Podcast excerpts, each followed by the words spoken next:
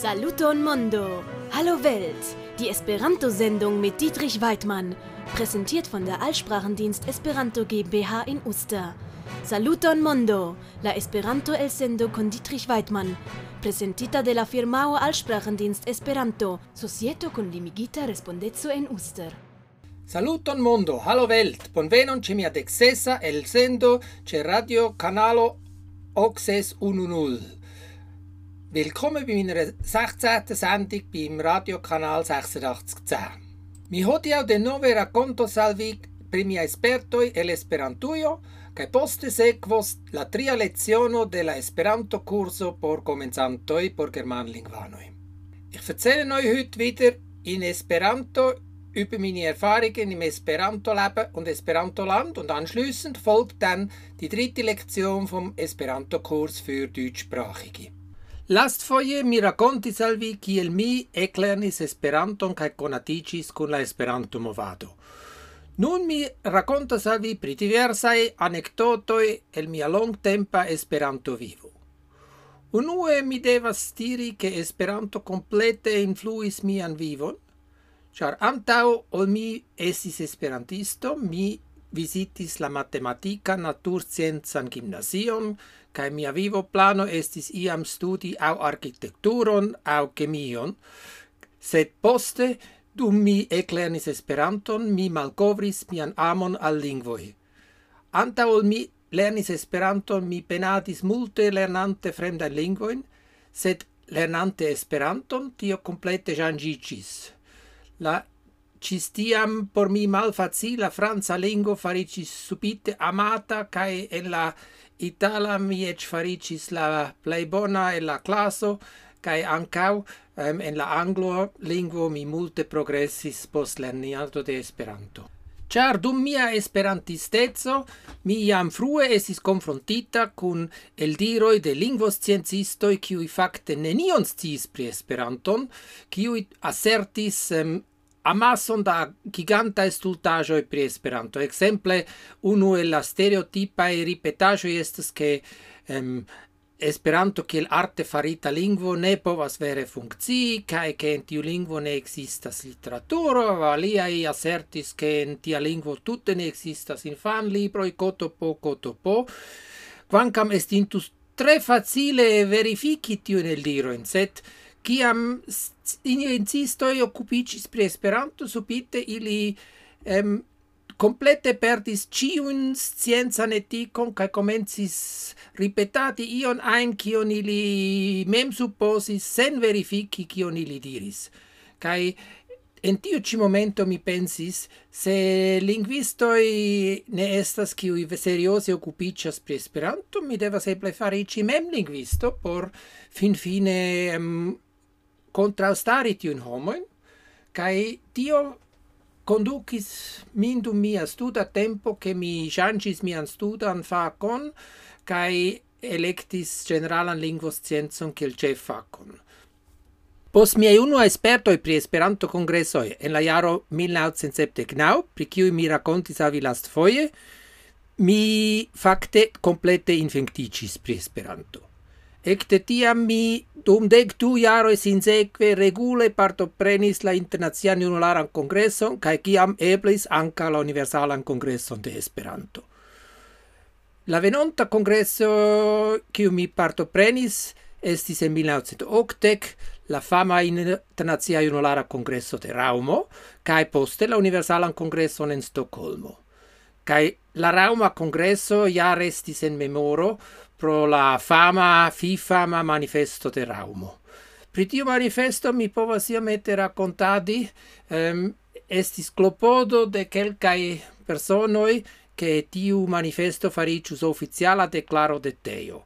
Cai facte la raumistoi, kiel, kiu subtenis tiun manifeston, um, longigis la debaton, tiom longe cis fin fine ehm, multai contrauloi estis forte ditai, cae la dua matene ancora daratis tiu comitat consido, in niu certa momento ili constatis che nun ili havus favoran plimulton alla Rauma manifesto en la restinta comitato, set tiam mi nombris che se nun mi cae alia eliris, um, far falas la quorumo kai mi prenis um, la godoro representanton li Lenarzi la mano kai diris do eliros kaj ni eliris la salonon kai cris ni non forlasas la salonon kai vi ne havos plu quorumon kai devos cesi la debaton.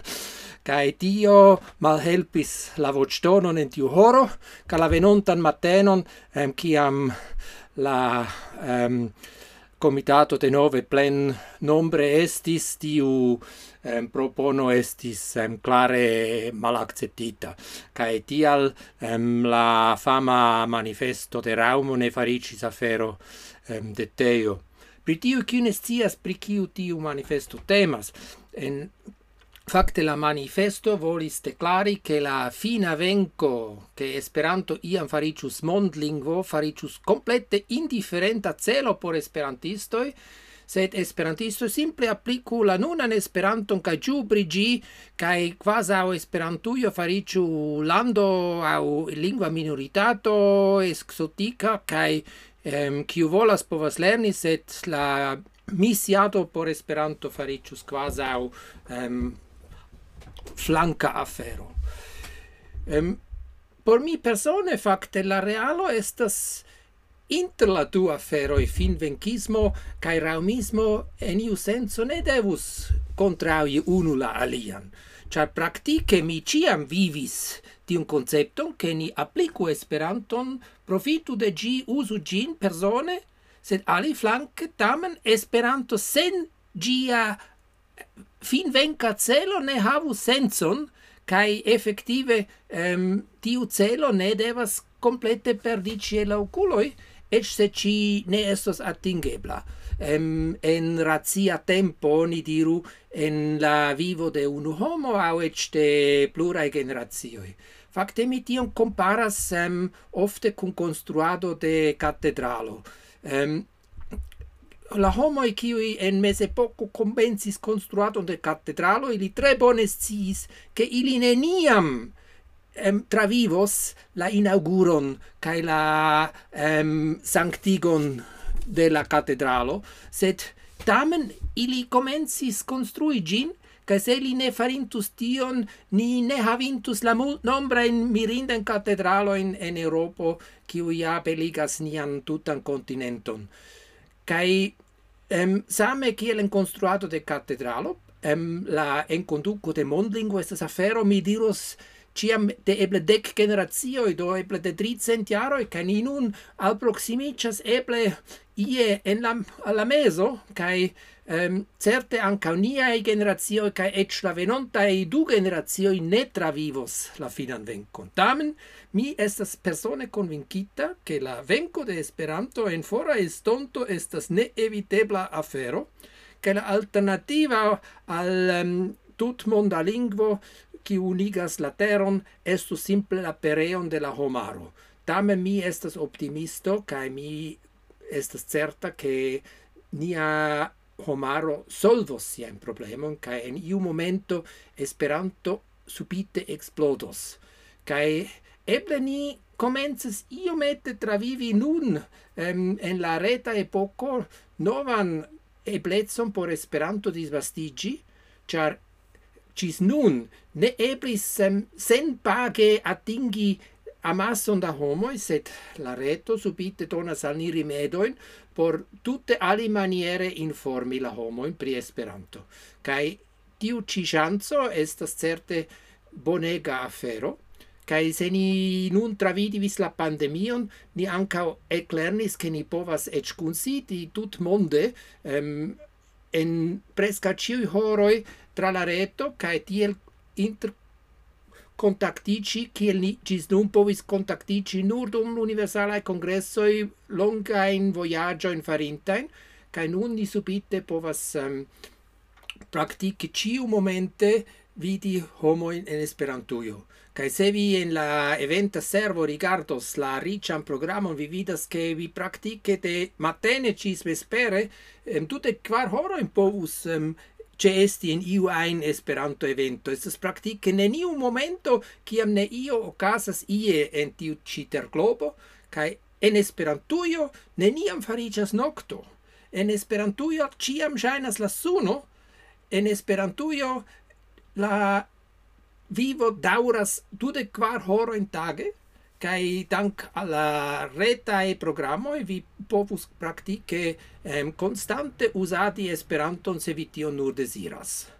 Do mi simple em rekomendas vin em, fari tio kai mem compreneble anca vi povas auscultati plu mian blogon, mian Esperanto el sendo en kai mi joyos re auscult che vi re reauscultos min post du semainoi, kiam de nove en canalo 610 oni audas saluton mondo, kai nun mi diras gis revido mondo, kai post la musica pauso, cun la gruppo persone, um, mem compreneble sequos la Esperanto curso por germanlingvanoj. Gis! Saluton mondo! Hallo Welt! Sequas nun la Esperanto-Kurso por Germanlingvanoj. Es folgt jetzt der Esperanto-Kurs für Deutschsprachige. La scriba in curs documenton, vi kiel ciam trovas en mia blogo sub duoblavo duoblavo duoblavo punto informeio punto zum. Die schriftliche Kursunterlage findet ihr wie immer auf meinem Blog unter www.informeio.com. Lektion 1. Leziono du. La mangio bon gustis, Colombina. Ruckt! Das Essen war fein, Columbina. Rülps. Ĉu vi ne povas rukti iomete malpli laŭte? Vi eĉ terurigas la najbarojn. Kannst du nicht etwas weniger laut rülpsen? Du erschreckst ja sogar die Nachbarn. Hundo, kiun vi volas ĉi tie? Hund, was willst du hier? Mrs. Tutte cara, do mi nun ricevas biskuiton. Wow, wow, ich war ganz lieb. Also bekomme ich jetzt ein Biskuit. Wow. Hundo, sidiĝu. Hund, sitz. Qui estas mia biskuito? Wow, wow. Wo bleibt mein Biskuit? Jen via biskuito. Hier ist ein Biskuit. Mi volas alian. Wow, wow, ich will noch eins. Vi eĉ ne diris dankon. Tio sufiĉas. Du hast ja nicht einmal Danke gesagt. Das genügt. Arlecchino, ĉu vi povas helpi min lavi la telerojn? Arlecchino, kannst du mir helfen, die Teller abzuwaschen? Sed mi jam helpis kun la manĝado? Aber ich hab doch schon beim Essen geholfen. Se vi bone lavas la telerojn kaj purigas la tablon, tiam vi ricevos kison. Wenn du die Teller gut wäscht und den Tisch reinigst, dann bekommst du einen Kuss. Por kiso de vi mi faras ĉion. Für einen Kuss von dir werde ich alles tun. Bone, tiam vi povas tui purigi ankaŭ la neceseon kaj polvosuĉi. Jen citelo, vistuco kaj la polvosuĉillo. Gut, dann kannst du auch gleich noch das Klo putzen und staubsaugen. Hier sind ein Eimer, ein Scheuerlappen und der Staubsauger. Arlecchino prenas la citelon, la vistucon kaj la polvosuĉillon kaj faras ĉion, kiun Colombina postulis. Allegino nimmt den Eimer, den Scheuerlappen und den Staubsauger und macht alles, was Columbina von ihm verlangt hat. Do jen mi faris ĉion, sed nun mi ricevos du kisojn. Also, da, ich habe alles gemacht. Aber jetzt werde ich zwei Küsse bekommen.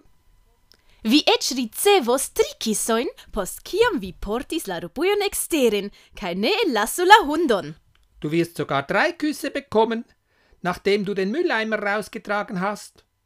Und lass den Hund nicht raus. Arlecchino eliras kun la rubujo kaj post momento revenas. Allegino geht mit dem Mülleimer raus und kommt nach einem Augenblick zurück. Nun mi volas miajn kisojn, vi promesis. Nun will ich meine Küsse. Du hast es versprochen. Colombina donas kisseton al Arlecchino sur la maldextra vangon, alian sur la dextran vangon kaj trian sur la buŝon. Colombina gibt Arlecchino ein Küsschen auf die linke Wange, eins auf die rechte Wange und ein drittes auf den Mund. Mi scias ke vi amas min. Ĉu vi volas edziniĝi kun mi?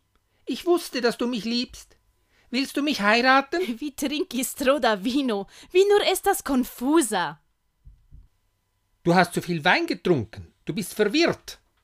Mi trinkis nur unu bieron kun la manĝo. Mi ne estas konfuza, sed mi amas vin. Mi estas tute klara en mia menso. Ich trank nur ein Bier mit dem Essen. Ich bin nicht verwirrt, sondern ich liebe dich. Ich bin völlig klar in meinem Geist. Se vi volas edziĝi, tiam vi devas esti freneza. Wenn du heiraten willst, dann musst du verrückt sein. Edziĝu kun mi, mi amas vin. Heirate mich. Ich liebe dich. Mi devas esti stulta edziniĝi kun vi. Poste vi certe ne plu porigos mian Ich necessejon. müsste dumm sein, dich zu heiraten. Nachher wirst du sicher nicht mehr mein Klo putzen. Post kiam mi edziĝis kun vi, mi ĉiam faros ĉion por vi. Nachdem ich dich geheiratet habe, werde ich immer alles für dich tun. Por tio mi ne devas edziniĝi kun vi. Vi tion faras ankaŭ sen ke ni estas geedzoj. Dazu muss ich dich nicht heiraten. Du machst das auch, ohne dass wir Eheleute sind. In den ersten beiden Lektionen habt ihr bereits gelernt, dass man durch das Anhängen der Wortartendung o aus jedem Wortstamm ein Nomen bzw. Hauptwort oder Substantiv mit einer Verbalendung, zum Beispiel as für die Gegenwart ein Verb und mit der Adjektivendung a ein Adjektiv oder der Adverbialendung e ein Adverb ableiten kann. Beispiel La rukto. bedeutet der Rülpser, Vi ruktas laute. Du rülpst laut, Rukta bruo. rülpsiger Lärm und Tiu sonas rukte. bedeutet, das tönt rülpsig. Mit der Endung ui wird ein Gefäß, ein Land oder ein Fruchtbaum bezeichnet. Also etwas, was etwas enthält. Beispiel Rubo. bedeutet Müll, Rubujo. Bedeutet Mülleimer, Germana. bedeutet Deutsch, Germanujo. heißt Deutschland oder Esperantujo. heißt Esperantoland. Pomo. Ist ein Apfel, während Pomujo. Apfelbaum bedeutet. Ihr habt bereits die Verbalendung as für die Gegenwart und u für die Befehlsform kennengelernt. Also, mi laboras heißt ich arbeite oder laboro diligente heißt arbeite fleißig. Mit der Verbalendung is kann man nun die Vergangenheit und mit os die Zukunft ausdrücken. Mi morgau laboros en Zurico. Heißt somit, ich werde morgen in Zürich arbeiten. Li ruktis laute. bedeutet er rülpste laut. Mit der Verbalendung us wird schließlich die Bedingungsform bezeichnet. Mi devas esti stulta se mi edziniĝus kun vi. Bedeutet also, ich müsste dumm sein, wenn ich dich heiraten würde. Mit der Endung in wird die weibliche Form gebildet. Etzo. Bedeutet Gatte oder Ehemann, Edzino. bedeutet Gattin oder Ehefrau. Die Vorsilbe ge bezeichnet, dass ein Nomen beide Geschlechter umfasst. Geedzoj. bedeutet somit Eheleute oder Estimai gesignoroi. heißt verehrte Damen und Herren. Die Endung L bedeutet aus bzw. hinaus oder raus. Mi iras. Heißt ich gehe, Mi eliras. heißt ich gehe hinaus. Die Endung ij bedeutet so viel wie werden, einen Zustand annehmen bzw. entspricht dem Reflexivum sich. Sidi heißt sitzen. Sidiji bedeutet also sich setzen. Lito heißt Bett. Mi elitijas, wörtlich ich werde aus dem Bett, also ich stehe auf. Und mi elitigis heißt ich bin zu Bett gegangen. So wird aus dem Stamm ed das Verb für heiraten abgeleitet. Edsigi bedeutet dabei wörtlich zum Ehegatten werden, also heiraten für einen Mann. Bei einer Frau muss man hingegen für heiraten edsinigi sagen, also zur Ehefrau werden.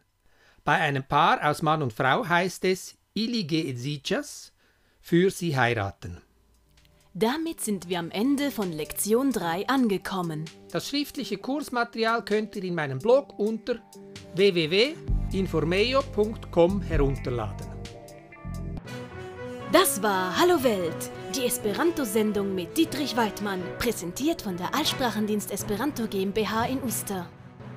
Tio estis Saluton Mondo, la Esperanto el sendo con Dietrich Weidmann, presentita de la firmao Allsprachendienst Esperanto, societo con limigita respondezzo en Uster.